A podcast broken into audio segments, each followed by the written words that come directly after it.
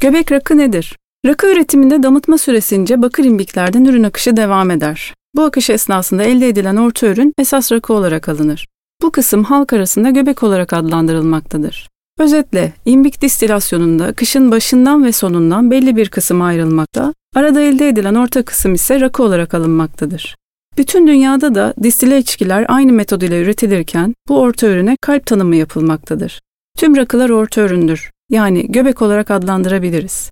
Ürün kalitesinde orta yani göbek olarak alınacak oran önemli rol oynar.